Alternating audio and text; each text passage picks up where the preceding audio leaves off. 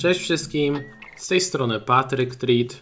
Zapraszam Was na kolejne nagranie serii Let Me Talk, w której przeprowadzam rozmowy ze społecznością FPL. Wśród gości możecie spodziewać się najlepszych i najbardziej rozpoznawalnych graczy polskiej sceny fantasy Premier League, a także osoby działające wokół środowiska gier fantazy, niekiedy pozostające bardziej w cieniu, ale mające coś ciekawego do powiedzenia. Naszego dzisiejszego gościa nie trzeba nikomu przedstawiać, bo jest nim pan Przemysław Pełka, komentator Kanał Plus. Dzień dobry. Dobry. E, na wstępie pragnę przekazać gorące pozdrowienia od całej polskiej społeczności fantazy, która bardzo entuzjastycznie zareagowała na wieść o tym, że uda się z Panem przeprowadzić rozmowę na temat fantazy Premier League. Bardzo mi miło, cieszę się. E, przejdę od razu do pierwszego pytania. Chciałbym, aby nam Pan powiedział, skąd wzięło się u Pana zainteresowanie ligą angielską oraz fantazy Premier League? Od czego zaczęła się Pana przygoda z grami fantazy? E, gra w fantazy, mm, wydaje mi się, że pierwszym, który mnie mm, jakby zaraził tym e, bakcylem był Przemek Rudzki. E, zresztą e, on chciał, żebyśmy, żebym zagrał już wcześniej. Tak, no, nie pamiętam dokładnie, który to był sezon, kiedy zaczęliśmy, ale pamiętam, że w moim pierwszym składzie, w moim pierwszym meczu mojej drużyny kapitanem był Aaron Ramsey. Także to pokazuje jak niewiele wiedziałem o, o grze, natomiast y, który to był rok, to nie pamiętam, pewnie to można sprawdzić y, w, w, w historii. Y, natomiast Przemek chyba mówił jeszcze dwa lata wcześniej, żebym, żebym, żebym zaczął grać. Ja jakoś się do tego nie paliłem, twierdziłem, że, ten, że to trochę za dużo czasu będzie, będzie pochłaniać i, i jakoś tak wyszło, ale potem się przekonałem, no i tak jak chyba większość ludzi, którzy zaczynają e, przygodę z fantazy Premier League, to nie, niedługo trzeba było czekać, żeby się wkręcić na dobre, bo to jest całkiem dobra gra. Dokładnie, dokładnie. Przechodząc już do, właśnie do tego e, czasu poświęcanego na grę, jak to u Pana wygląda? Na ile poważnie traktuje Pan tę zabawę? Znaczy, traktuję ją jako hobby, także mam kilka rzeczy, które robię w życiu, e, poza oczywiście obowiązkami czy domowymi, czy e, obowiązkami w pracy oczywiście. E, dlatego poświęcam tyle czasu, ile ja wiem, no tyle, ile się poświęca hobby. Nie powiem, że, mm, że siedzę na przykład godzinami nad, nad rozkminianiem składów i, i tego, jak, jak będzie wyglądać moja jedenastka. Mm, ale też skłamałbym, gdybym powiedział, że o tym nie myślę. To znaczy, najwięcej czasu tak naprawdę poświęcam temu przed rozpoczęciem sezonu. Lubię sobie porobić różnego rodzaju yy, warianty i posprawdzać, co by mi się najbardziej spodobało, a, a, yy, a to jest chyba naj. Ten okres akurat w tym sezonie był dość krótki. Yy, zawsze jest to, jest to trochę więcej czasu na to, żeby sobie pokombinować yy, i bez większych yy, konsekwencji porobić zmiany w składzie to znaczy ten skład, który na przykład w tym sezonie jako pierwszy ustaliłem, kompletnie się, e, kompletnie się różni od tego, którym zacząłem grać. E, no ale to dlatego, że wtedy jeszcze nie było wiadomo, że Manchester City i Manchester United nie będą grać swojego pierwszego meczu, więc istniało też niebezpieczeństwo, że inne angielskie zespoły mogły też nie mieć pierwszej kolejki, gdyby się lepiej spisały w europejskich pucharach, prawda? Natomiast Y, trochę czasu poświęcam, najwięcej, najmniej czasu poświęcam w weekend, bo nie mam czasu w ogóle. Y, natomiast y, staram się być na bieżąco, tak czy inaczej jestem na bieżąco, no bo jak komentuję mecze, to muszę, muszę wiedzieć, co się dzieje.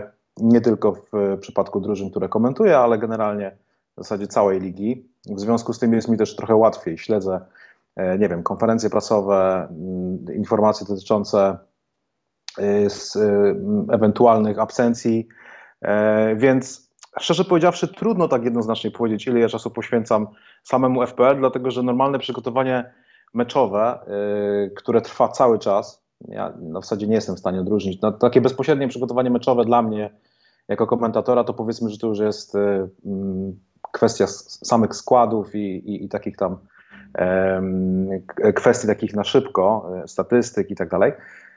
Natomiast tak naprawdę przygotowanie do meczu trwa cały czas, więc nie jestem w stanie rozdzielić tego, co robię, do, co mi się przydaje do FPL-u, a co mi się przydaje do, do normalnej pracy. To jest trochę, są takie trochę naczynia powiązane. Więc generalnie sporo czasu poświęcam piłce angielskiej, bo ją po prostu uwielbiam, dlatego jest to dla mnie jakby naturalne, FPL to jest tak jakby taka naturalna odnoga od, od samej, samej rzeczywistości ligowej. Jasne, rozumiem, rozumiem doskonale. E, wśród graczy też często panuje takie przekonanie, że wręcz ta liga angielska jest dodatkiem do fantazy Premier League. U mnie jest na odwrót jednak, jednak, jednak, bardziej, jednak bardziej na odwrót, bo trzeba sobie zdawać sprawę, że jakby perspektywa, z jakiej się patrzy na FPL, jest zawsze troszeczkę jednak inna od tego, co, co, co, co niesie rzeczywistość, bo zawodnik FPL y, patrzy na y, tak naprawdę tylko i wyłącznie interesują go punkty, prawda? A punkty zdobywa się poprzez bramki i asysty, a nie poprzez to, jak zawodnik gra, więc y, nie można odnieść jeden do jednego rzeczywistości ligowej do, do rzeczywistości w grze. Są piłkarze, no nie wiem, chociażby James Rodriguez, prawda? To jest ciekawa, ciekawa postać, bo zaprezentował się doskonale, ale moim zdaniem to nie jest materiał, e, przynajmniej na ten moment, jeżeli nie, nie dowiemy się czegoś więcej o nim, na ten moment to nie jest piłkarz do FPL-u. E, gra za daleko i raczej jest asystentem albo asystentem asystenta. E, aniżeli e, gościem, który może punktować. Chyba, że e, coś się zmieni w najbliższym czasie, będzie grał trochę bliżej bramki, będzie miał na przykład rzuty karne i tak dalej. Wtedy się sytuacja zmienia, ale, ale generalnie jest sporo takich zawodników, którzy są świetni, ale się po prostu do tej gry nie nadają i, i trzeba umieć rozdzielić tych, którzy przynoszą punkty, od tych, którzy są, są fajni, mili dla oka, no, ale tych punktów tyle nie przyniosą. Jasne, ale mam pytanie przy okazji, czy komentując spotkanie da się nie myśleć o FPL-u, czy, czy granie w fantazy wpływa w jakimś stopniu na, na ten komentarz? Nie wiem, na przykład trzyma Pan kciuki za jakąś drużynę, wiedząc, że ma zawodnika z tej drużyny w swoim składzie? Nie, no to yy, tak wiadomo, raczej, raczej wie się, kogo ma się w składzie, wie, komu się kibicuje, natomiast yy, do pewnego stopnia można to oczywiście rozdzielić, staram się to rozdzielić, żeby nie, yy, jakby szczerze powiedziawszy, Niespecjalnie lubię poruszać temat FPL podczas transmisji. Wolę o tym nie, nie mówić na wizji i nie dyskutować o, o, o, graczach FPL. Czasami się oczywiście jakaś tam dygresja napatoczy, ale, ale generalnie wolę o tym nie mówić, yy, bo jest to zupełnie jakby od, odrębna, odrębna dziedzina yy, i są yy, po prostu widzowie, których kompletnie nie interesuje FPL, nie mają, nie wiedzą co to jest i, i, i nie mają zamiaru słuchać o, o jakiejś grze Natomiast y, nie lubię na pewno mieć kapitana w meczu, w którym, y, który, który komentuję. E, no bo wiadomo, to, to, to niesie z sobą niepotrzebne, niepotrzebne emocje. E, zdarzało się, że miałem kapitana w, zespołach, e, które komentowałem. No i szczerze powiedziawszy, nie czuję się z tym dobrze, także wolę, wolę, wolę nie mieć, natomiast czasami się nie da uniknąć, no bo, no bo są po prostu y, wybory, które trzeba podjąć i, i trzeba to zaakceptować. Jasne, jasne. A może przy okazji ma Pan jakąś anegdotę związaną z fantazy Premier League i komentowaniem spotkania? Nie, anegdoty żadnej specjalnie nie mam, natomiast yy, na pewno moje indywidualne najlepsze osiągnięcie miało trochę związek z. Pojechałem do pracy po prostu i za, za, musiałem wyjechać na stację benzynową żeby zatankować. Akurat grał, to było popołudniowe spotkanie Newcastle kontra Manchester City i Aguero e, rozszarpywał defensywę Newcastle wtedy. Jak wyjechałem z domu, e, to Aguero chyba miał jedną bramkę na koncie, więc generalnie był moim kapitanem, cieszyłem się, że, że, że tak dobrze idzie.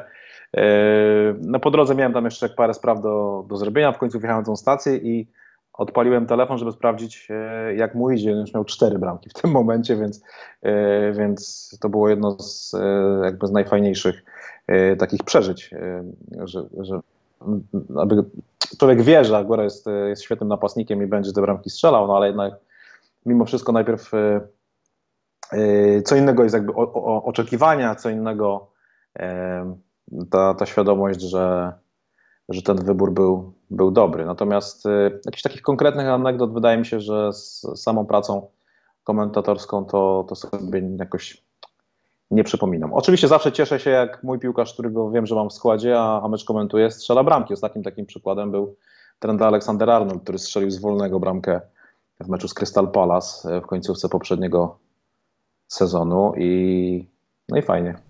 Jasne, jasne. Takie, takie sytuacje na pewno cieszą.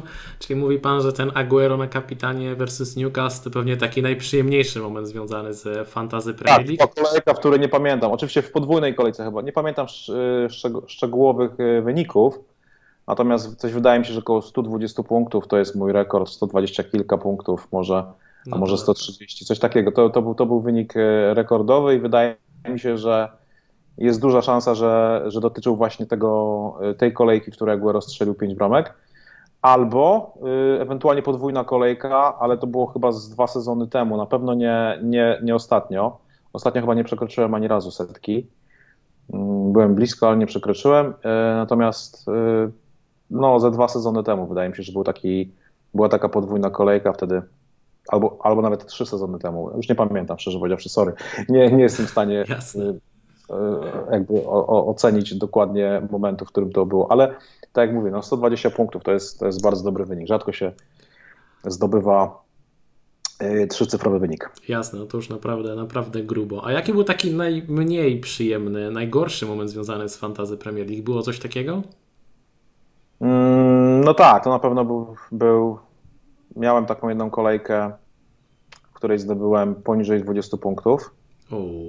E, chyba nie zapunktował nikt, albo zapunktował jeden piłkarz, e, ale tak skromnie, tam było na zasadzie, tam, nie wiem, jednej asysty na przykład, prawda, albo jedna bramka napastnika, która i, bez bonusów, więc, więc nie, nie jest to jakieś wielkie osiągnięcie, także to, to był chyba najgorszy taki, taki wynik. Natomiast e, to już trochę, trochę czasu upłynęło, szczerze powiedziawszy. W ostatnim sezonie nie miałem tak słabych wyników. Rzadko kiedy zdarzyło mi się być poniżej średniej. Eee, Często też w zasadzie byłem po, na, na, albo na poziomie, albo powyżej średniej najlepszych 10 tysięcy. Myślę, że to był e, ten ostatni sezon był pod tym względem najbardziej równy i najbardziej stabilny w zasadzie od samego początku, nie licząc tam paru wahnięć. E, szło mi dobrze i, i ten sezon był, był zdecydowanie najlepszy. No i o, oczywiście wynik na koniec też był najlepszy, bo to miejsce 8092. Dokładnie, dokładnie. Dobrze, że Pan o tym wspomina. Właśnie widzowie na ekranie zobaczą Pana wyniki. E, na potrzeby osób, które będą słuchać podcastu, tylko powiem, że w historii widzimy 6 sezonów. W tym jest aż 3, 3 wyniki są w top 20k, a najlepszy finish to właśnie top 10k w poprzedniej kampanii. Najgorszy finish to tuż poza top 300K, co też nie jest generalnie jakimś tragicznym wynikiem, ale wyraźnie się odróżnia na tle tych pozostałych świetnych e, wyników. Chciałbym usłyszeć od Pana kilka słów na temat tego najgorszego i najlepszego sezonu. Może zaczniemy od tego najgorszego, gdzie pewnie pamięć e, już nie jest aż tak dobra co do tego sezonu. Czy coś Panu zapadło w pamięć do tego sezonu? Dlaczego, znaczy, dlaczego tak, tak, to się skończyło? Ja pamiętam, że w ogóle było tak. E, mój, moja żona ma też zespół, Aha. który bardzo rzadko niestety układa, więc ja muszę za nią to robić. E, I ona e, generalnie lubi mieć w składzie Obama Younga, lubi mieć w składzie piłkarza Arsenalu, więc on jest często oparty o graczy Arsenalu. I ona generalnie lubi dźwięk różnych nazwisk, więc na przykład niektórych nazwisk nie toleruje. Nawet jeżeli to byłby dobry piłkarz, to on po prostu nie ma prawa się znaleźć e, w, w drużynie. I ten sezon, kiedy ja tam byłem na 300 tysięcy w którymś miejscu e, i mi kompletnie nie szło, to był sezon, w którym e, zespół mojej żony, prowadzony od pewnego momentu przeze mnie, bo ona o nim zapomniała, skończył na miejscu 652 na świecie. Więc to tak naprawdę był mój największy, największy sukces. E, I e, paradoks polegał na tym, że ten zespół przez długi czas leżał i nic się z nim nie działo. I ja po prostu e, raz na jakiś czas zaglądałem, co tam, co tam zrobić. No i patrzę, on tam całkiem świetnie punktuje i nagle i w pewnym momencie, gdzieś mniej więcej zimą, w listopadzie albo w grudniu, e, wziąłem go na ten, wziąłem go na warsztat i, i udało mi się go tam było sporo szczęścia oczywiście, tam była podwójna kolejka, która świetnie wyszła. Tam wszystko w zasadzie szło jak trzeba. E, w przeciwieństwie do mojego zespołu, który generalnie cokolwiek robiłem, robiłem, robiłem no, na zasadzie wybierz e, na przykład w zeszłym sezonie na podwójnego kapitana Mane albo Salaha, prawda? Tak. Mane schodzi w 30 minucie z kontuzją, e, kończysz z dwoma punktami, czy tam z trzema punktami. E, Salah e, zdobywa bramkę, czy tam asystę, generalnie jakieś bonusy, kończy z 30 paroma punktami. No to, no to, to, było, to, to, to był ten kasus, prawda? Wyborów, które mimo, że świadomych i na pozór logicznych, które się nie sprawdziły versus te, które po prostu wypaliły, wypaliły idealnie. Także e, to był akurat sezon, w którym, tak, tak jak powiedziałem, e, e, jakby opiekowałem się także drużyną mojej żony, która w zeszłym sezonie też całkiem nieźle sobie radziła. Od czasu do czasu ja tam ten zespół układam, czy tam pomagam w zasadzie, może w ten sposób, bo ona się nie, nie zna na, na przykład na strategiach, podwójnych kolejkach i tego typu historiach więc to należy do mnie, to ja po prostu jej mówię, co ma robić.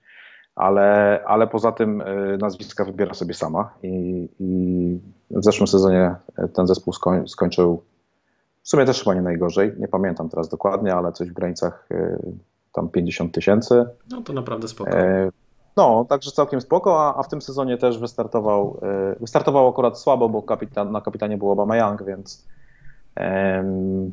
więc było troszkę słabiej. Jasne, jasne. Rozumiem. A może wyciągnął Pan jakieś wnioski z tych dwóch sezonów, czyli w zasadzie tego top 1K przy pomocy żony albo żony przy pomocy Pana oraz tej poprzedniej kampanii, gdy był Pan w top 10K. Jakieś... Tak, w zasadzie, już o tym, w zasadzie już o tym powiedziałem. Y, ten najlepszy sezon wiązał się z tym, że ta drużyna kompletnie nie robiła transferów. Nie było żadnych hitów, żadnych ujemnych punktów. Tam w tym sezonie nie było ani jednego transferu za minus 4. Mhm. I w tym sezonie, w którym e, wszedłem do, do top 10, e, w tym ostatnim, e, też jakby popatrzeć na historię moich, moich startów, to to była najmniejsza liczba punktów karnych. Do pewnego momentu praktycznie w ogóle nie robiłem punktów karnych. Do, dopiero w okresie lockdownu no nie byłem zadowolony w pewnym momencie z sytuacji, która tam się w, w, zrobiła i po prostu musiałem podjąć e, decyzje, z których się specjalnie nie cieszyłem. Nie chciałem podejmować e, tych kroków, bo wiedziałem, że one w dłuższej perspektywie zawsze kończą się jednak stratą.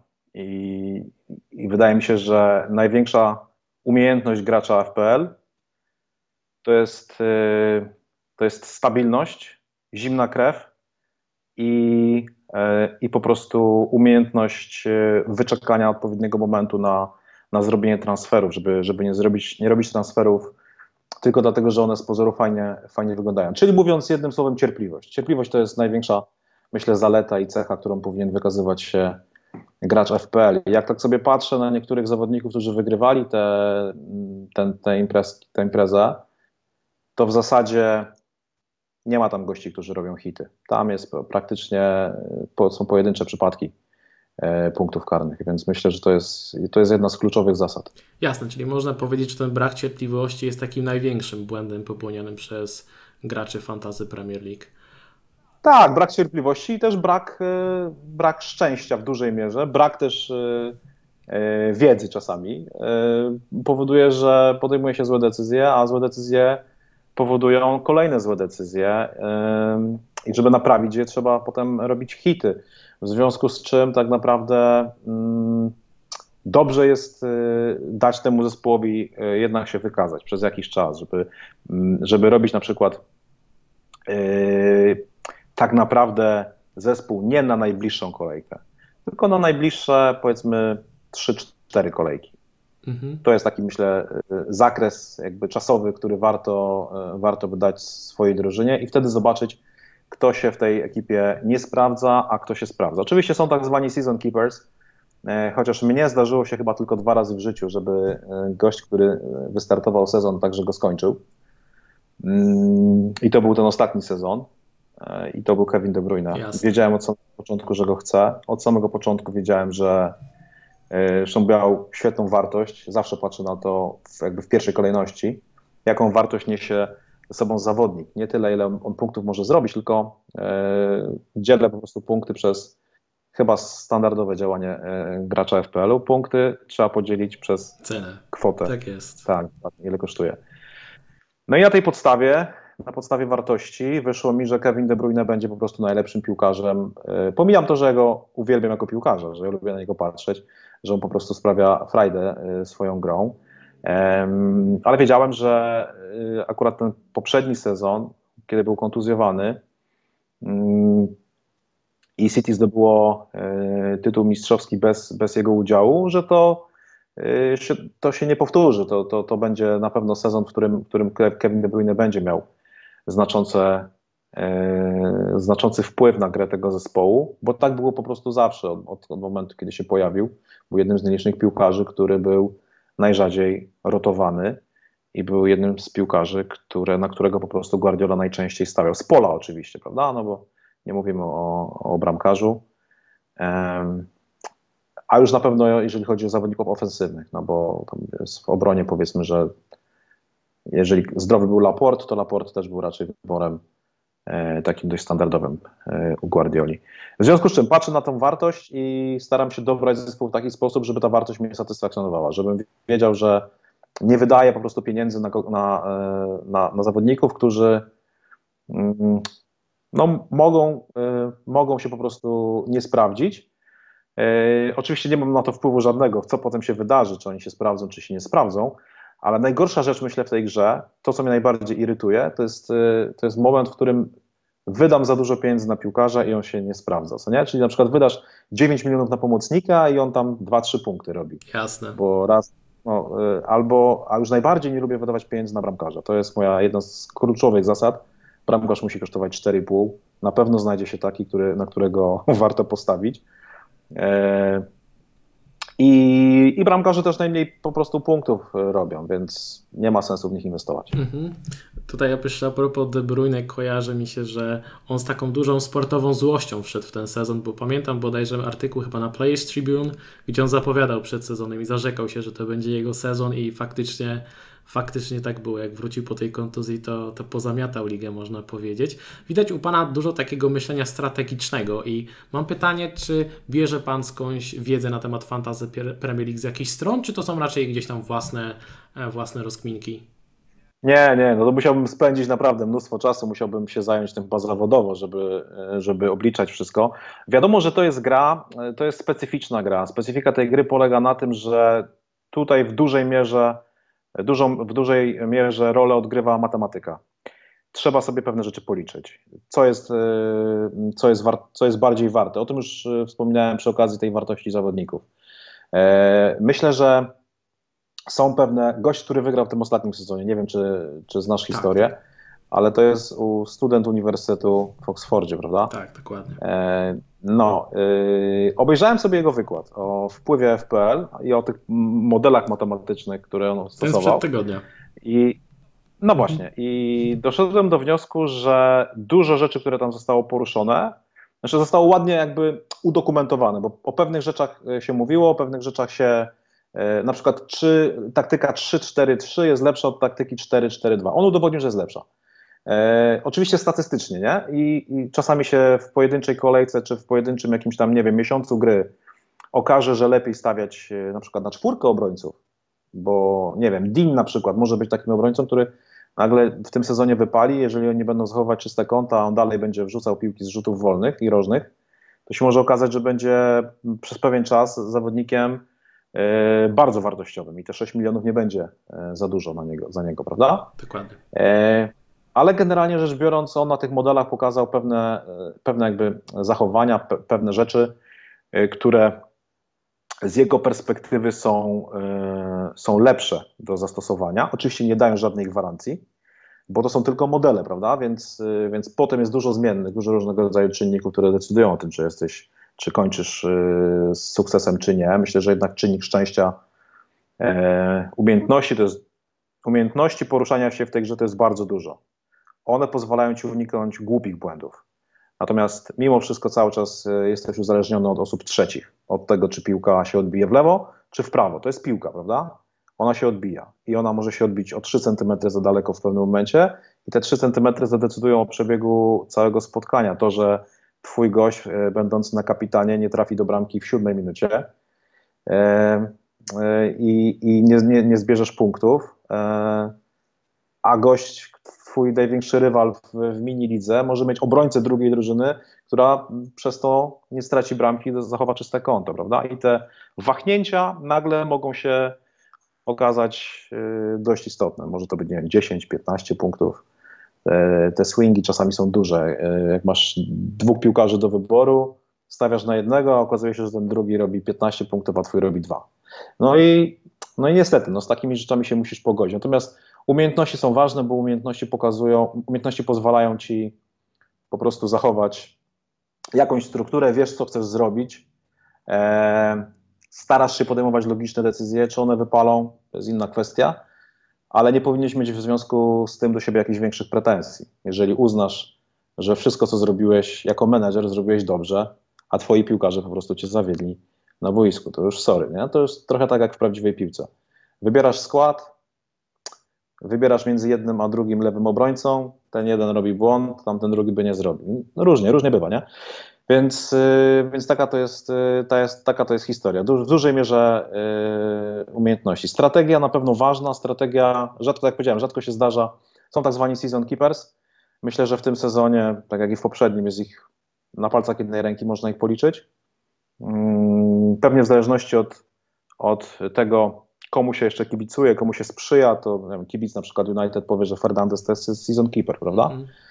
Ja na przykład nie jestem takiego zdania, e, ale, ale na pewno to jest trend Alexander Arnold i na pewno to jest Kevin De Bruyne. Myślę, że to są dwaj piłkarze, których po prostu trzeba mieć. E, myślę, że Salah też. Salah też może być w, tej, w, tym, w tym gronie zawodników, których mieć warto od samego początku do samego końca, bez względu na e, fixtures, bez względu na to, z kim grają. Chociaż wiemy, że są tutaj też e, pewne zależności. Niektórzy lepiej grają w domu, niektórzy lepiej na wyjeździe. Różnie, Jasne. nie? Jasne. Wspomniał Pan o tym, że czasem można wybrać zawodnika, on ma gdzieś tam troszeczkę pecha, nie zdobędzie punktów. I tutaj pytanie, które często się pojawia, czy ważniejsza jest dla Pana obserwacja zawodnika na boisku, czy też może analiza jego statystyk? Czy woli Pan zawodnika, który wygląda elektrycznie, widać, że jest w formie, ale powiedzmy do tych sytuacji nie dochodzi tak często, a może na przykład taki, nie wiem, Gabriel Jesus, czy Dominik Calvert-Lewin, który potrafi dochodzić do wielu sytuacji, te statystyki niby były fajne, ale z drugiej strony często zawodzi ta skuteczność. Jak to u Pana wygląda? Ja myślę, że tutaj trzeba e, wypośrodkować, bo e, w dużej mierze trzeba się oprzeć na obserwacji. Natomiast e, znam przykłady, mm, są przykłady zawodników dobrze grających, nie oglądających meczów albo nie oglądających wszystkich meczów, a mimo wszystko wykonujących dobre ruchy i, i dobrze operujących tylko dlatego, że potrafią dobrze odczytywać dane. I, i ta statystyka jest, która generalnie jest dość powszechna i, do, łatwo dostępna w tej chwili, powoduje, że jest coraz większa grupa zawodników FPL, którzy dobrze sobie po prostu radzą, dobrze potrafią analizować. No i myślę, że umiejętność analizy jest istotna. E, I, i być może, być może dzięki obserwacji e, w momentach, w których masz dwóch piłkarzy, nie wiesz na kogo postawić, to, że kogoś obserwowałeś i widziałeś w nim, zauważyłeś w nim coś coś lepszego spowoduje, że na niego postawisz jako na przykład kapitana, albo że wystawisz go w składzie, a nie na ławce rezerwowych.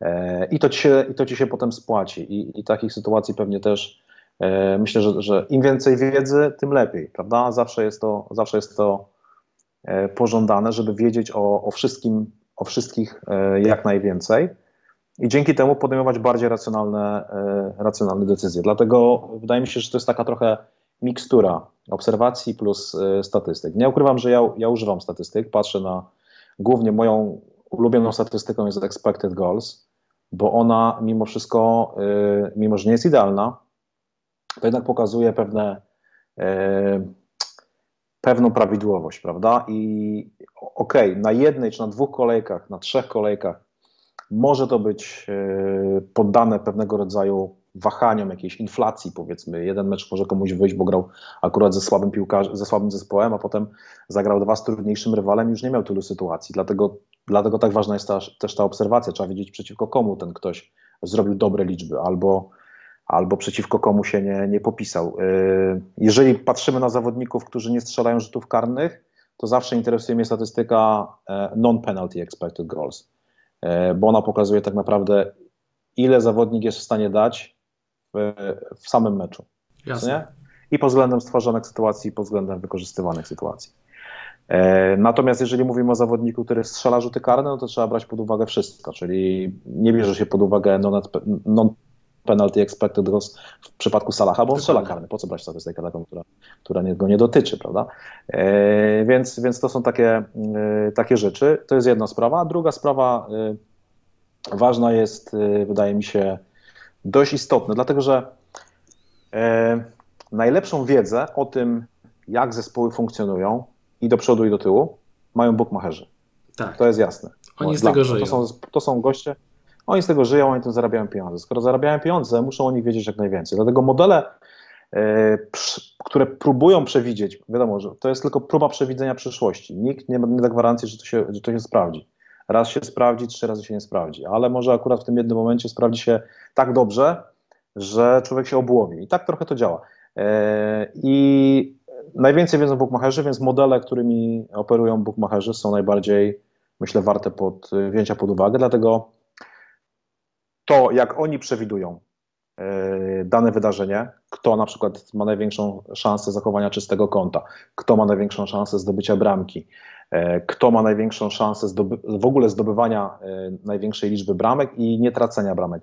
To dla mnie są to ważne informacje. Dla mnie są to informacje, które, które staram się stosować. Na przykład na tej podstawie wybrałem holdinga. Na tej podstawie wybrałem holdinga do, do mojego składu mimo że nie byłem do końca do niego przekonany i miałem pieniądze na to, żeby wybrać obrońcę Wolverhampton, którego chciałem, bo w, jakby w całej perspektywie gry obrona Wolverhampton na pewno nie będzie traciła dużo bramek i taki obrońca byłby mi przydatny. Ale ponieważ istniało dużo zmiennych, nie wiadomo sytuacja z Winagre, mm, nie wiadomo co z Marsalem, czy on będzie grał na, na lewym z wahadle, czy no, gdzie on go tam w ogóle Nuno wsadzi że za dużo było tych, tych niewiadomych. W ogóle nie lubię sytuacji, kiedy jeszcze nie ma zamkniętego okna transferowego, bo jest za dużo niewiadomych e, i trzeba uważać. Mm, to spowodowało, że postanowiłem postawić na holdinga, bo Arsenal w pierwszych dwóch kolejkach miał bardzo dobre, e, według bookmacherów, statystyki na niestracenie gola. A ponieważ było dużo kontuzji w Arsenalu, to można było łatwo wytypować gościa, który zagra. E, oczywiście byli tacy, którzy się pomylili i postawili na Salibę, no i tutaj w grę wchodzi wiedza. No, było wiadomo, że mm, Arteta potrzebuje le, lewonożnego obrońcę, więc tym piłkarzem, który musiał zagrać w tym meczu był Gabriel. Więc, więc z dwójki holding Saliba musiał zagrać holding, ponieważ holding grał we wcześniejszych meczach i jest Artecie bardziej znany. No i to są takie niuanse, które generalnie decydują o tym, że się postawi na dobrego, a nie na złego piłkarza. Jasne, to jest, to jest bardzo ciekawe, a w zasadzie najważniejszą decyzją, którą musimy podjąć przed każdą kolejką jest wybór kapitana i zastanawiam się, czym Pan się kieruje wybierając tego kapitana. Czy właśnie tutaj takie modele jak expected goals, czy może expected goals against w przypadku analizy przeciwnika albo odcy bookmacherów mają na to wpływ? Tak, tak, mają, zdecydowanie. E, myślę, że moja strategia jest chyba zbliżona do strategii większości. Znaczy, pierwsza zasadnicza sprawa u mnie to jest mieć wybór. Muszę mieć wybór pomiędzy dwoma przynajmniej zawodnikami e, na kapitana. Dlatego jak wybieram skład, patrzę, na, patrzę w przyszłość, patrzę na fixtures, widzę, że jest powiedzmy, e, zakładam jakiś tam okres czasowy, powiedzmy 6-8 kolejek, raczej dłuższy, I staram się zobaczyć, w jakiej konfiguracji e, mogą wystąpić e, najlepsi, najlepsze zdobycze punktowe, prawda? Którzy piłkarze mogą mieć najlepsze wyniki. I na tej podstawie wybieram dwóch najlepszych zawodników, moim zdaniem. Na początku sezonu dwóch najlepszych zawodników, moim zdaniem, to jest Obama i Salah. Między nimi dwoma rozegra się tak naprawdę walka o największą zdobycz punktową. E, oczywiście za chwilę do gry wejdzie City i, i wejdzie United. E, I, I tutaj powiedzmy, na pewno te, te zespoły będą dobrze strzelały, będą dobrze punktowały.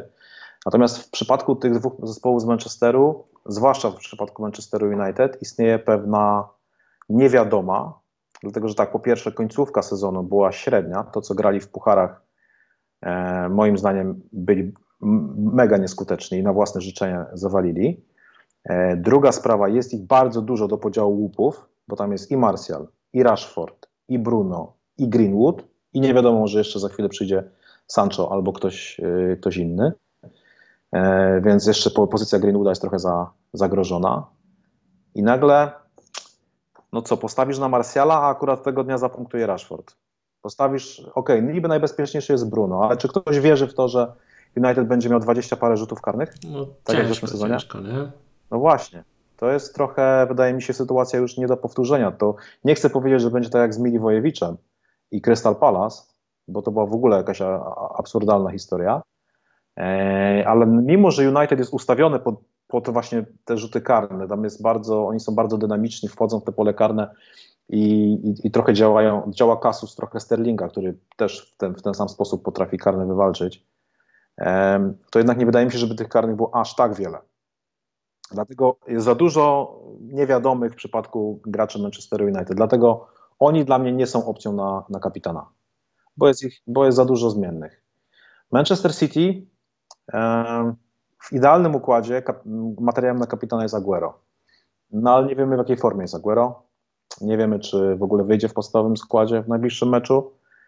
E, za dużo jest niewiadomych. Dlatego no, najbliższy czas, moim zdaniem, dwóch najlepszych kandydatów to są goście w dwóch zespołach, które grają ofensywnie, mm, goście, którzy strzelają rzuty karne, goście, którzy mają dobre fixtures, czyli Aubameyang i Salah. I między nimi trzeba wybrać. I teraz w momencie, kiedy dochodzi już do wyboru pomiędzy nimi, stawiam zawsze na tego, który gra w domu.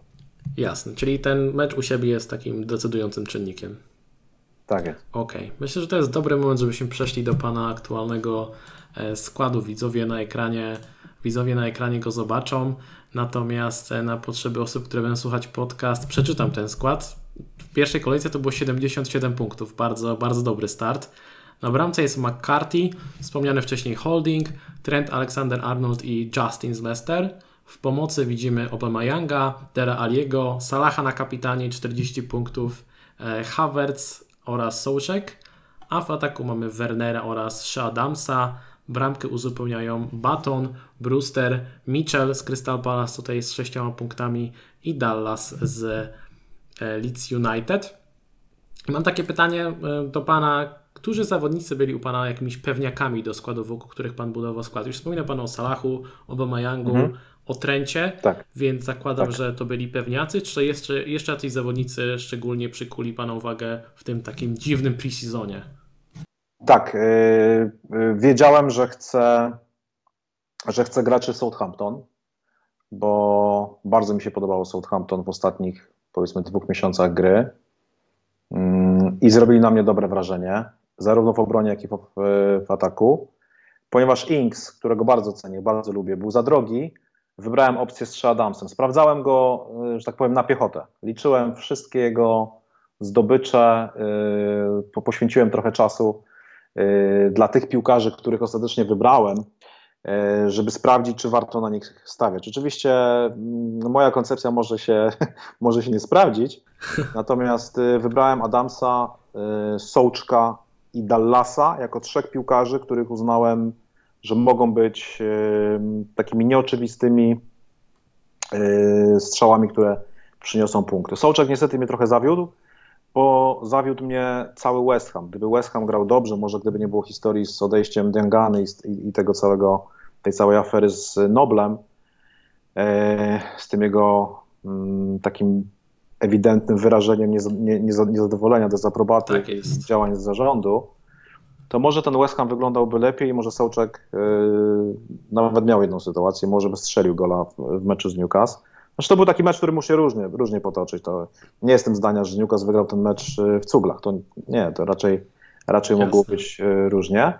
Natomiast... Sołczek strzela z główki i tam jest 1-0 dla West Hamu wtedy, nie? Była pierwsza no połowa chyba jeszcze. Sołczek to jest po prostu świetny piłkarz i może nie, nie do końca to jest taka opcja FPL-owa, bo on, yy, znaczy inaczej, nie do końca opcja FPL-owa, to jest opcja FPL-owa, yy, ale o, oczywiście nie podstawowa, co nie? To jest raczej mhm. końca, to jest pomocnik raczej na pozycję numer 5 w pomocy, albo co najwyżej na pozycję numer 4. Mm, bo on będzie strzelał bramki, bo on po prostu gra świetnie głową, bo on cały czas biega i on będzie kluczowym zawodnikiem West Hamu w całym sezonie, o ile nie będzie miał kontuzji i o, o, tym jestem przekonany. Ja go widziałem w Slawii, wiem do czego jest zdolny, on potrafi zdobyć 17 bramek w sezonie, oczywiście w innych warunkach trochę, ale, ale y, tam by grał trochę jednak wyżej może. Natomiast y, mimo wszystko, jak się popatrzy na jego średnią pozycję na boisku, to on stara się grać jednak, to, to nie jest taki typowy defensywny pomocnik, prawda? W związku z czym uznałem, że jego te takie inklinacje do gry do przodu, umiejętność znalezienia się w polu karnym, co już udowodnił w końcówce poprzedniego sezonu, zdobywając gole, mm, że to jest y, dobry, dobry strzał, że to, to jest piłkarz, który warty jest 5, on jest po prostu warty, wydaje mi się, więcej niż 5 milionów, yy, dlatego uznałem, że e, warto je wydać. Zazwyczaj robię tak, że kupuję na tą pozycję gościa za 4,5, mhm. ale tym razem pierwszy raz w życiu zdecydowałem się jednak yy, zagrać w taki sposób, bo no bo trochę boję się sytuacji generalnie covidowej. Może być dojść do takiej sytuacji, że nagle ni stąd, ni zowąd, nie wiedząc dlaczego, ktoś, kto ma pewne miejsce w składzie, nie wyjdzie w meczu. Jasne. E, mm, z ostatnich badań e, cztery osoby przebadane w, w Premier League e, miały wynik pozytywny, więc nie wiadomo jak to będzie mm, w kolejnych tygodniach. Patrzę z tygodnia na tydzień, tak naprawdę liczba zakażeń rośnie więc należy spodziewać się, że mogą, mogą wystąpić jakieś e, zawirowania.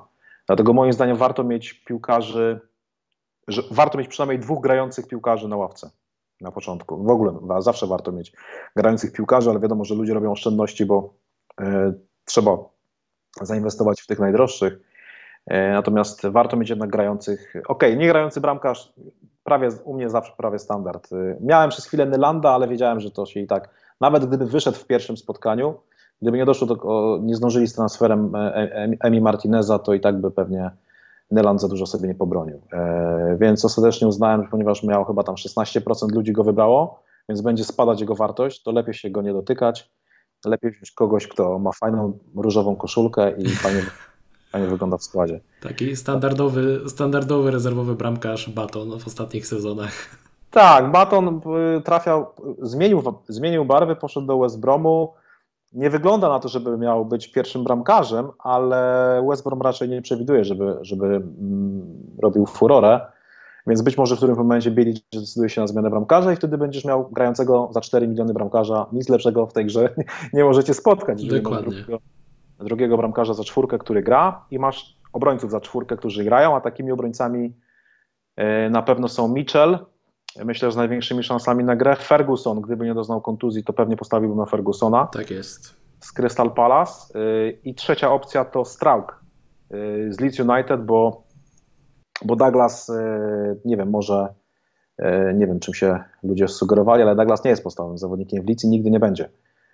Więc więc tutaj rywalizacja na, na pozycji środkowego obrońcy, ewentualnie defensywnego pomocnika. Tam Strauk myślę, że generalnie i tak przegra tą walkę, ale, ale myślę, że w paru meczach może, może zagrać na, na początku sezonu. Mimo, mimo jednego błędu myślę, że zagrał całkiem, całkiem nieźle, lepiej niż Koch w meczu z Liverpoolem. Yy, więc niewykluczone, że Bielsa będzie na niego stawiał, bo stawiał na niego pod koniec sezonu. Tak trochę nizowąd, ni stąd, ni zowąd wskoczył do składu Mm, i grał, nie? Jasne. Także z 4 milionowych obrońców to, to, to, to myślę, że trzeba by było patrzeć w, w kierunku właśnie tej, tego trio, o którym wspomniałem, chociaż Mitchell może stracić pozycję, jak się wszyscy w, w Crystal Palace wyleczą. On był taką fajną opcją na start, bo właśnie było wiele kontuzji i kontuzjowany jest m.in. Van Anholt. Ale mam jeszcze pytanie, jaki ma Pan e, plan na wprowadzenie zawodników Manchester United i Manchester City do swojego składu? Zwróciłem uwagę na to, że na starcie zachował Pan milion w banku i czy to jest element, element tej strategii? Może gdzieś tam Havertz jest na wylocie albo Ali? Jaki jest plan? No niestety, no niestety jest na wylocie, ale chyba wstrzymam jeszcze konie i, i przeczekam jeszcze jeden tydzień, chociaż e, korci mnie, żeby jednak... Generalnie lubię mieć y, dwie opcje, i zwłaszcza na początku sezonu. I to jest akurat rzecz, która mi się sprawdzała. Jak popatrzycie na moje statystyki, to na początku e, było tak, że źle zaczynałem, a bardzo dobrze kończyłem. W pierwszych sezonach mojej gry. Nie wiem, czy to jest do sprawdzenia tak w ogóle, ale tak było. To jeżeli tego się nie da sprawdzić, to tak było. A ostatnie sezony mam e, inaczej. Dobrze zaczynam, a potem w trakcie sezonu mam trochę, e, trochę zawirowań. A dobrze zaczynam dlatego, że po prostu obejm, ob, jakby przejmuję całkiem niezłą strategię, która się sprawdza i, i jednym z elementów tej strategii było to, żeby nie robić ruchów na początku sezonu. Wiadomo, najpierw są, jest za każdym razem po pierwszej kolejce są te bandwagons, rzucają się ludzie na piłkarzy, którzy zapunktowali, ale na przykład nie rokują na przyszłość i, i może nie będą punktować już tak dobrze jak w pierwszej kolejce, e, że na przykład ludzie rzucili się na Bamforda. No ludzie kochani, no jak można, jak można, nie wiem jakie są teraz statystyki, ostatnio jak oglądałem, to tam prawie 100 tysięcy ludzi kupiło Bamforda. Już ponad, już ponad, tak. No chyba, że go kupili tylko na, na, y, na mecz z Fulham i liczą na to, że Bamford nagle tam strzeli. No może tak być, no.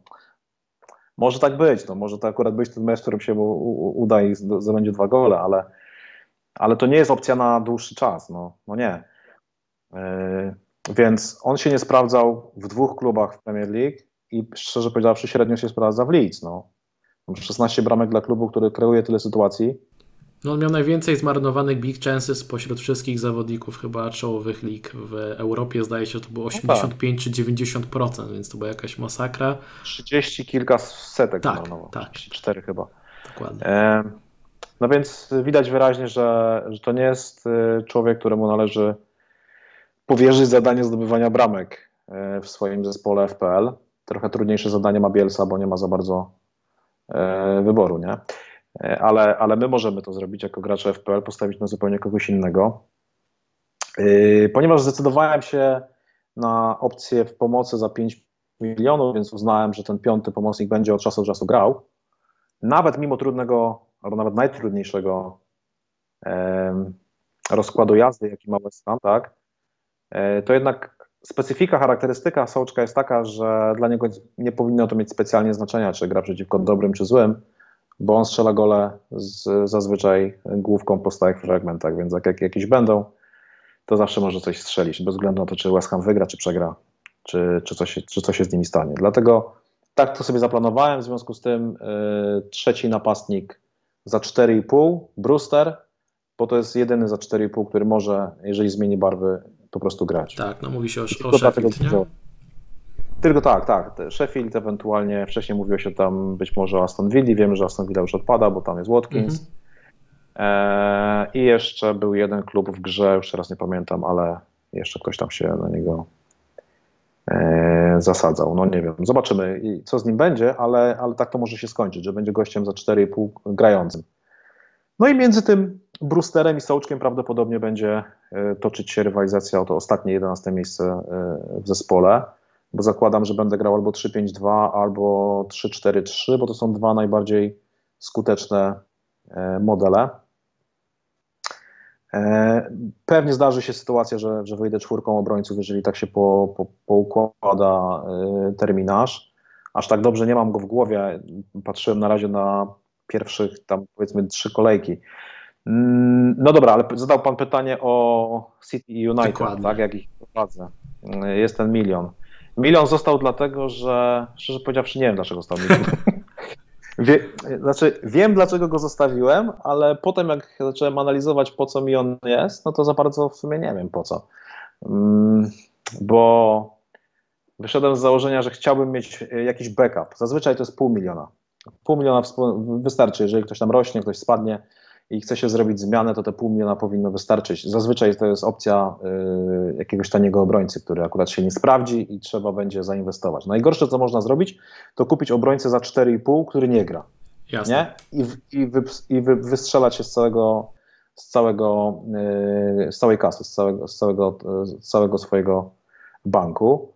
E, jeżeli to, jeżeli to kogoś spotyka, no to no to ma problem, bo musi potem kombinować i wtedy musi się skończyć to albo przeczekaniem i wzięciem na klatę tego, tego błędu, albo często myślę u tych najbardziej nerwowych kończy się hitem i, dwoma zmianami.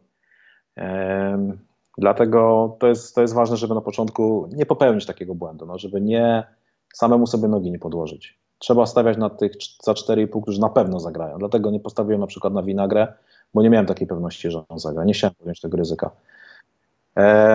No i został ten milion. I teraz opcje były takie, szczerze powiedziawszy. Jedna to jest y, postawienie na, y, w drugiej kolejce na gracza United, ale oczywiście milion nie wystarczy do tego, żeby pozyskać y, Bruno, więc zostaje tylko Greenwood albo Rashford, albo zamiana Wernera na Martiala. Ponieważ Martial zamienił się z Rashfordem pozycjami w grze, ja byłem zwolennikiem Marsjala w zeszłym sezonie i on mi naprawdę świetnie punktował. I zrobiłbym to drugi raz, gdyby nie to, że jest napastnikiem. Jasne. Znaczy on będzie strzelał bramki, będzie punktował, będzie strzelał bramki, tylko napastnik e, akurat w tej sytuacji, kiedy oni są do siebie tak bardzo zbliżeni, kiedy mają podobne zdobycze, podobna liczba bramek, e, dodatkowo Rashford ma może nieduże, ale jednak szanse, żeby strzelać karne, to moim zdaniem lepszym wyborem jest Rashford. Dokładnie. Dlatego, że jest pomocnikiem i przy grze na zero dostaje dodatkowy punkt. I dodatkowy punkt za gola, nie? To też robi różnicę. No, no, no, no właśnie, dodatkowy punkt za, za czyste konto i za gola, więc y, jak sobie tak to przeanalizowałem, to wyszło mi, że Rashford, gdyby był y, pomocnikiem, to miałby to mniej więcej te zdobycze, które miał y, Martial. Martial skończył z 200 ilość tam, ileś punktów, prawda? A Rashford miał 170 ileś punktów. No i myślę, że tak będzie, podobnie może być w tym sezonie, że ta różnica będzie około 20-30 punktów na, na korzyść pomocnika. Oczywiście zakładając, że będą grać, nie? Że, będzie, że będzie wszystko tak jak, tak jak należy, że nie będzie kontuzji, że nie będzie jakichś dłuższych przerw. Rashford miał problemy z kontuzjami i to jest jedyna rzecz, która może, może troszeczkę odstręczać przed y, postawieniem na niego. No i duża liczba, generalnie duża liczba niewiadomych y, co do Manchesteru United, bo no, z, z, tego, co można było przeczytać w, w Manchester Evening, to tam jest około dziewięciu piłkarzy, którzy są pod znakiem zapytania, czy, czy będą dostępni w pierwszym spotkaniu. Akurat nie chodzi o Rashforda, ale o kilku innych piłkarzy, więc to też generalnie może spowodować e, na tyle duże zmiany w samym zespole, że ten zespół po prostu nie będzie tak, e, tak dobrze funkcjonował. A druga sprawa jest taka, że grają przeciwko Crystal Palace, który nie jest wcale chłopcem do bicia. E, I mm, ten mecz z Southampton pokazał, że ja bym się nie spodziewał tam e, trzech, czterech bramek United. Tam będzie, tam będzie dla nich raczej trudniejsze przejście i, i, w zeszłym sezonie oni tam przegrali u siebie z Crystal Palace. Po dwóch kontrach e, Crystal Palace zdobyło dwa gole. Zatem yy, na pewno piłkarz United nie jest dla mnie opcją, na pewno nie jest opcją kapitańską. To jest pierwsza sprawa. Dlatego, dlatego zastanawiam się, czy warto ściągać Havertza i, i wciągać Rashforda do, już teraz, czy po prostu zrobić tak, jak planowałem od początku, czyli zostawić to. I ten milion oczywiście w końcu wykorzystam, ale, ale jeszcze nie wiem do końca jak. Czy wzmocnić obronę? Na pewno chcę Saisa w którymś momencie kupić. Na pewno nie drugą kolejkę, bo grają City, to byłoby bez sensu. E, ale Sais w pewnym momencie myślę, że w tym zespole się znajdzie. Za dobrze zagrał. Za dobrze zagrał i wydaje mi się, że to. Nie wiem, czy to będzie drugi Lundstram, raczej może nie, ale, ale no, powiem szczerze, nieźle, nieźle wy, wy, wygląda. Tak, po tej konterce wszedł w pole karne, to troszeczkę się zdziwiłem. No, no a, a, a ten, a, a co do City, mm, co do City, to, to wydaje mi się, że zaczynamy od trzeciej kolejki. Dlatego wszystko było tak zaplanowane, że raczej te zmiany na, na tych, nazwijmy grubych pozycjach, ważnych pozycjach, najważniejszych, zostaną przeprowadzone w trzeciej kolejce. Jasne. Czyli rozumiem, że też nie ma jakiegoś planu na jakąś szybką, dziką kartę, raczej, raczej trzymamy na spokojnie. Nie, plan zawsze jest. Y, znaczy ja patrząc historycznie, y, to raczej dość często, dość często wykorzystywałem tą dziką kartę szybko. Raz się zdarzyło, tylko nie pamiętam w którym sezonie, że czekałem dość długo, bo nie było potrzeby. Mm -hmm. Na tyle dobrze mi y, szło, że nie było po prostu sensu. E, w zeszłym sezonie wziąłem chyba w siódmej kolejce, w przerwie reprezentacyjnej wziąłem, tej chyba październikowej, o dobrze mm -hmm. pamiętam, to jest siódma albo ósma kolejka była. Um, natomiast y, nie no, cały czas za mało danych, y, żeby, żeby ostatecznie, dlatego na przykład na, na pewno nie chciałbym brać dzikiej karty teraz, dlatego że za dużo po prostu może się wydarzyć jeszcze. Będą nowe transfery w klubach niektórych, mm, będzie się zespół zmieniać, jeden czy drugi, i to może się zmieniać na, na no, zobaczmy, jak może się przeobrazić nagle Manchester United, jeżeli, jeżeli przyszedłby Sancho, albo jak będzie się y, mógł zmienić Tottenham, jeżeli przyjdzie Reguilon na lewą obronę yy, i Gareth Bale, to już nie wiem, czy tak od razu coś tam się pozmienia, ale no, raczej nie bierze się takiego gościa, żeby siedział na ławce. Więc, więc, można zakładać, że za chwilę y, to tam będzie wyglądał trochę inaczej. No i pewnie się trochę będzie zmieniać jeszcze y, Arsenal, bo wydaje mi się, że oni jeszcze nie powiedzieli ostatniego słowa z transferami w pomocy. E, I City. City myślę, że cały czas czekamy na obrońcę. To kwestia, kto to będzie, ale, ale myślę, że obrońca jakiś przyjdzie. Jasne. Środkowy obrońca. Jasne. Wspomniał Pan o piłkarzach, którzy mogą przyjść, a ja bym chciał dopytać o tych, którzy już przyszli i zaprezentowali nam się w pierwszej kolejce. Który z nich Pana zdaniem najbardziej namiesza w świecie fantazy Premier League? Wspominał Pan już o tym, że James Rodriguez może niekoniecznie pod FPL-a, ale może jakiś inny zawodnik zwrócił Pana uwagę? Nie, Hames, nie, nie powiedziałem, że, nie, że niekoniecznie pod FPL-a, powiedziałem, że na ten moment, mhm. bo wydaje mi się, że to jest, to jest materiał na, na gracza, bo historycznie to on strzela bramki i asystuje Dokładnie. i wszystko jest spoko. Mówię tylko na podstawie tego jednego meczu, który, który komentowałem. Wydaje mi się, że zagrał świetnie, bo stwarzał sytuację, ale grał za daleko od bramki i te strzały, które oddawał też były z daleka. Tak. Więc yy, wydaje mi się, że, że trochę jakby przedwcześnie przedwcześnie nie ma sensu się na niego rzucać. Trzeba po prostu dać mu trochę czasu, żeby okrzepł. Yy, no i zobaczymy, jak to będzie, jak to będzie wyglądało, co nie? Jasne. Yy, natomiast z nowych piłkarzy, no nie wiem, kto tam może być. No na pewno Chelsea, co nie? Tylko tutaj też jest dużo niewiadomych. Ja, ja szczerze powiedziawszy, postawiłem na Havertza, ale nie chciałem tego zrobić. Postawiłem na niego, na niego tylko dlatego, że E, ja komentowałem mecze Havertza w, w Bundeslidze, oglądałem go i on mi się bardzo podoba. Natomiast tutaj byłem z, y, niestety rozczarowany tym, w jaki sposób jest ustawiony, jakie ma zadania jak zagrał w meczu z Brighton. I to na ten moment, no nie wiem, to, to na ten moment na pewno nie jest to gość warty, warty taki, takich pieniędzy. Lepiej byłoby postawić na kogoś sprawdzonego jak William albo albo ewentualnie szukać opcji w jakimś mniej prominentnym klubie, ale z pewniakiem. Nie wiem, Grealish na przykład, zobaczymy jak Aston Villa będzie wyglądała. E, albo może Madison, chociaż wolę raczej strzelających niż podających, dlatego zobaczymy. Natomiast y, z nowych piłkarzy na pewno największy potencjał mają gracze w Chelsea.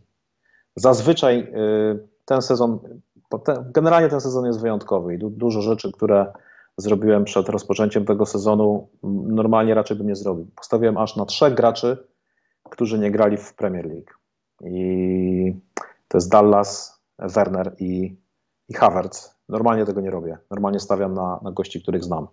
Których znam, wiem, wiem, że są sprawdzeni. Tak jest po prostu najbezpieczniej na początku sezonu i potem trzeba odczekać i zobaczyć, co dalej, wtedy podjąć decyzję. Natomiast nie rzucać się na, y, na takie błyskotki typu właśnie Havertz. Y, natomiast postawiłem na niego, bo chciałem postawić na gracza Chelsea w drugiej linii, bo oni, bo oni będą po prostu ofensywni. Oni będą ofensywni, na pewno będą strzelać gole, są trochę tańsi od pomocników Manchesteru United, a myślę, że bramek zdobędą, jeżeli nie tyle samo, to więcej. Y, w związku z tym mm, opcja Ziyech za 8 czy Ziyech, jak się poprawnie na niego powinno mówić.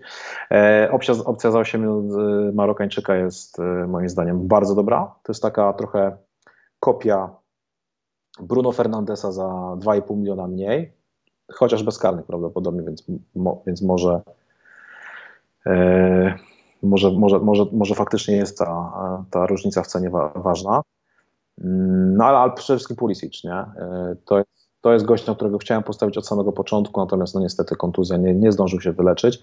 I ponieważ było niebezpieczeństwo, że nie zdąży na ten Brighton, to tak jak powiedziałem na wstępie, chciałem za wszelką cenę uniknąć gości, gdzie są jakieś znaki zapytania. Na początku jest najgorsza rzecz, jaką można zrobić, żeby trafić, e, trafić w, w piłkarza, który nie wyjdzie. Nie? E, I jeszcze wiedząc o tym, że może nie wyjść, bo jeżeli jest taka sytuacja jak z Mitrowiczem, no to pech, no nie wiadomo, nikt nie wiedział o tym, że, że, że Parker go nie wystawi. Tutaj wiedzieliśmy, że jest problem e, i żeby go ograniczyć, no to po prostu wybrałem Havertza, licząc na to, że będzie grał podobnie jak w Bayerze Leverkusen, natomiast jest uniwersalny, może grać na obu skrzydłach, może grać napastnika, może grać za napastnikiem, może grać gdziekolwiek chce. No tylko, że właśnie sam przyznał, że, że, że odbił się troszeczkę od, od ściany, bo, bo, bo, bo to trochę inny kaliber jednak niż to, co grał w Bundeslidze. Sam to powiedział, że inna gra była. No, można się było spodziewać, że że będzie ciężko. Yy, chyba jeden strzał tylko. Natomiast yy, ja myślę, że on w pewnym momencie jeszcze będzie dobry. To będzie dobra opcja. Tylko nie wiem, czy na początku. No, już, już go wziąłem, więc teraz muszę, muszę z tym żyć. Jasne. Też mi się wydaje, że ta Chelsea będzie wyglądała zupełnie inaczej, gdy, gdy dojdzie chociażby właśnie e, Pulisic, e, Ziyech, gdy dojdzie Chilwell, Thiago Silva. Tam, tam tak naprawdę pół składu wyszło. Nie taki, jak może wyjść na przykład za miesiąc, więc to jest ciekawa ekipa. E, chciałbym jeszcze Pana dopytać, porozmawialiśmy o Chelsea jako o tej drużynie z Big Six, która może jeszcze się zmienić i dać sporo punktów fantazy. A co jeżeli chodzi o te mniejsze ekipy? Mm, którą ekipę Pan upatruje jako taką, która może dać nam dobre punkty w dobrej cenie? Nie wiem, może Everton wspomniany wcześniej, a może Newcastle z Wilsonem i Fraserem w składzie? Jak się Pan na to zapatruje? Mhm.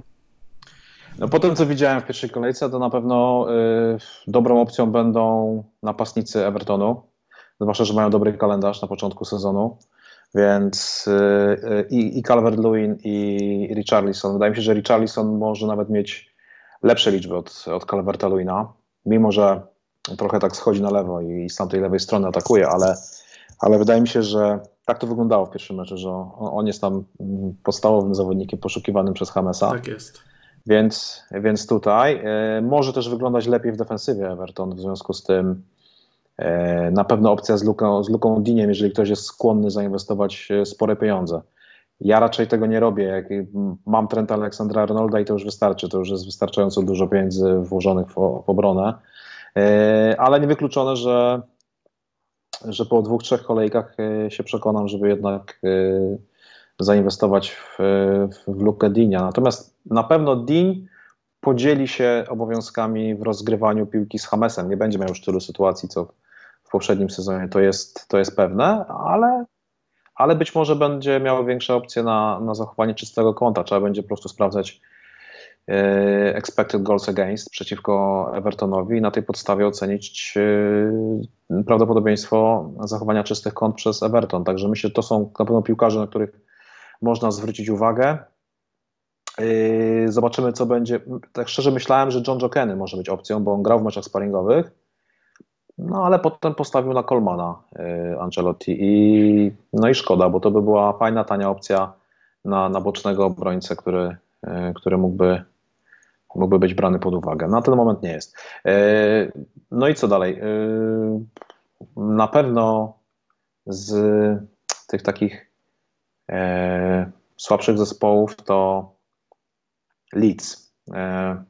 Opcja dla, wydaje mi się, czwartego pomocnika. Mm, niektórzy patrzą patriotycznie na Klicha, myślę, że on mógłby, mógłby spełniać to zadanie nawet, bo ponieważ wykonuje rzuty karne, to mógłby spełniać to zadanie. Mm, chociaż mi bardziej podobał się Harrison.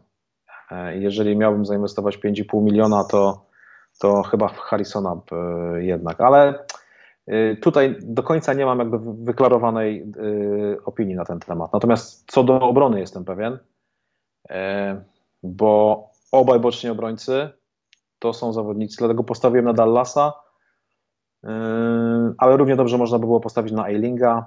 E, myślę, że to są, to są goście, na których yy, warto postawić. To mogą być to mogą być po prostu piłkarze, którzy przyniosą sporo punktów, bo grają bardzo ofensywnie i mogą skończyć z jakąś asystą albo bramką. No a w najbliższych, jeżeli dobrze pamiętam, sześciu kolejkach mają trzy mecze, w których warto na nich yy, zagrać. Już najbliższa kolejka z Fulham, po to właśnie Dallasa wziąłem, żeby zagrał z Fulham. E, potem wydaje mi się, że chyba z Sheffield, a dalej to już nie pamiętam, ale jedna z, jeszcze z tam późniejszych kolejek, któryś, któryś mecz wydaje mi się, że się łapał e, ewentualnie do gry dla, dla obrońcy dla, e, Leeds United. No to na pewno to są takie dwie rzeczy, dwa, dwa, dwa przypadki. Myślę, że warto monitorować drugą linię Southamptonu. Armstrong. Myślę, że można wziąć go pod lupę. E, myślę, że pod lupę należy wziąć Podensę e, z Wolverhampton, ale trzeba poczekać, co się dalej wydarzy. Czy na przykład nie pozyskają e, prawego ofensywnego obrońcy, bo nie, nie wiem co z Traore. Trochę szkoda byłoby, żeby Traore grał jako, jako prawy wingback. Więc, więc trzeba poczekać, jakie ruchy jeszcze zrobi Wolverhampton, ale Podensę myślę, że można by się było jemu przyjrzeć. I co jeszcze? Można by się było przyjrzeć opcji oczywiście tańszych napastników. Wydaje mi się, że Oli Watkins mógłby się, tylko na razie za mało nie wiemy. Yy, ale na pewno biorę go, biorę go pod uwagę. Yy, wczoraj chyba, wydaje mi się, wczoraj był mecz tak, w którym strzelił gola. Dokładnie. No, no więc. Yy, A więc... wcześniej w sparingu z United też strzelił, nie? A wcześniej w sparingu strzelił, więc yy, wcześniej dla Brentford strzelał też bardzo dużo, więc on umie strzelać, nie? Tak, tak. Teraz tylko trzeba go sprawdzić w warunkach prawdziwych, yy, więc, więc trzeba trochę dać, yy, dać mu czasu. Yy, kto jeszcze? Mm, z klubów nie takich oczywistych, tak? Mm, Dużo, dużo osób rzuciło się na to Newcastle. Tam jest sam Maximen, jest Fraser, jest Wilson. Mm, no tak, no nie wiem, ja to do Newcastle nigdy nie miałem przekonania. No, Naprawdę, jakoś. Y, okej, okay, Wilson może być dobrą opcją, zwłaszcza na początku sezonu, bo on zawsze na początku gra lepiej niż później. Nie wiem dlaczego, ale tak ma. E, sam Maximen niekoniecznie. Nie wiem, y, mogę się mylić, ale po prostu Newcastle, Newcastle jakoś mnie nie, nie, nie, jeszcze niekoniecznie przekonuje. Nie, nie przekonuje mnie jakoś tak specjalnie. Natomiast chyba ma dobry kalendarz, z tego, z tego zapamiętam. Tak, tak. Ja nie, nie, nie, nie analizowałem aż tak bardzo Newcastle, dlatego teraz nie jestem w stanie powiedzieć, ale wydaje mi się, że mają niezły. Yy, więc pewnie na jakiś czas, yy, a, a jeżeli już, wydaje mi się, to opcja taniego obrońcy, to myślę, że, że Lascelles. Chyba on jest po 4,5, tak? Tak, on jest za 4,5, jeszcze jest e, Luis, ten i Jamal Lewis. No. Dokładnie. No, no to tutaj można by było. Ja liczyłem na to, że, obroń, że bramkarz będzie po 4,5, no ale zrobili z, nie wiem, Karl Darlow za 5, kto to widział. yy, jakby kosztował 4,5, to myślę, że żebym mógłbym się zastanowić nad nim, a nie nad, Mac, nad McCartym. Mm, no i co jeszcze? I po transferze Emi Martineza wydaje mi się, że bardzo ciekawa opcja bramkarza się rozrobiła w Aston Villa za 4,5, dlatego że Emi w w poprzednim sezonie miał obok Lorisa największą liczbę wyciągniętych sytuacji, e, po których powinna paść bramka. E, więc widać, że Aston Villa trochę zacieśniła szyki obronne i po lockdownie zaczęła mniej tracić. Także to jest opcja. To jest opcja na pewno do, do rozważenia. E, ale to już pewnie dla kogoś, kto bierze dziką kartę, no bo nie sądzę, że ktoś robił zmianę mm, na pozycji bramkarza za 4,5, skoro są ważniejsze sprawy do rozwiązania. No nie? Trzeba kupić graczy Manchesteru jednego czy drugiego. Także priorytetem trzeba pamiętać, zawsze jest kapitan. Nieważne, co się dzieje dookoła, nieważne, że tam bramkarz, obrońca, trzeci, czwarty pomocnik, nieistotne. Najważniejszy jest kapitan. Jak się kapitan sprawdzi, to, to potem już idzie łatwiej. Dokładnie. No to od razu dopytam, kto na kapitana w drugiej kolejce? Nie no, Auba oczywiście, że Auba. Cieszę się, że ludzie go sprzedają. Bardzo się cieszę, że tylu go sprzedaje. E, a jeszcze bardziej się ucieszę, jak strzeli hat albo dwie bramki przynajmniej. I wtedy będzie, i wtedy będzie, będzie dobrze. Generalnie na początku sezonu, tak jak już tam wcześniej wspomniałem, e, kapitan będzie pomiędzy Albą i Salahem. Do momentu, kiedy uznam, że. Czyli do trzeciej kolejki. E, w trzeciej kolejce zdaje się wróci Salah na kapitana, no ale też wtedy, wtedy dojdzie do zmian prawdopodobnie mm, w drugiej linii. I no zobaczymy, co z Alim. Ja mam jeszcze Alego. E, strasznie mnie rozczarował. Postawiłem na niego, a nie na Sona, e, bo, bo uznałem, że po okresie przygotowawczym tam jednak całkiem przyzwoicie wyglądał. Brameczka, dwie asysty. Son trochę miał, myślę, że trochę ludzi oszukał, bo grał na pozycji napastnika, na której nie będzie grał. Więc te cztery bramki, które strzelił, to tak okay, strzelił te cztery bramki, ale on nie będzie tam grał, więc nie będzie miał takich możliwości.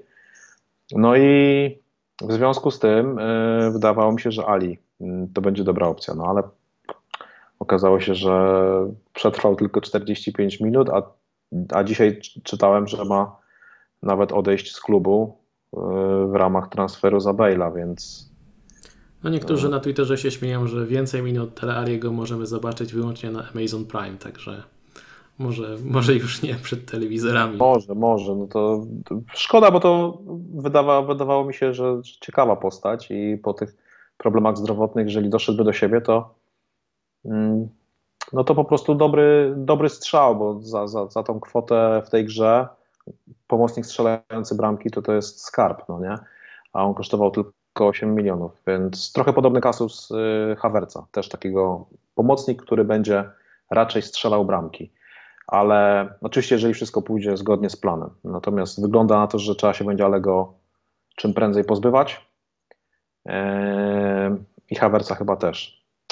No ale jeżeli bym to zrobił no i, i, i nie pozyskał gracza Manchester United, tylko, tylko Kevina De Bruyne, no to musiałbym zdowngrade'ować tego jednego pomocnika do, do jakiegoś tam, nie wiem, za 6 milionów kogoś chyba, bo mi więcej pieniędzy nie starczy. Czy nawet mniej. Nie, chyba na 6. Chyba mi 6 wystarczy wtedy, tak? No. Więc zobaczymy. Plan jest na razie taki, żeby nie robić ruchów, albo zrobić Havertz, Rashford w kolejce drugiej, Young, KDB trzeciej, albo nic i wtedy w trzeciej kolejce dwa transfery, a może nawet tak zwana mini dzika karta, może trzy transfery za minus cztery, jeżeli uznam, że trzeba będzie zrobić jakąś mocną mieszankę jeszcze. Jasne, super. W imieniu całej naszej społeczności dziękuję Panu za poświęcony czas i udzielenie wyczerpujących odpowiedzi na wszystkie pytania. Proszę e, bardzo. Nie pozostaje mi Też nic innego, jak, jak życzyć kolejnego hat na kapitanie. No. Nasz, naszym gościem był Pan Przemysław Pełka. Dziękuję. Dziękuję jeszcze raz.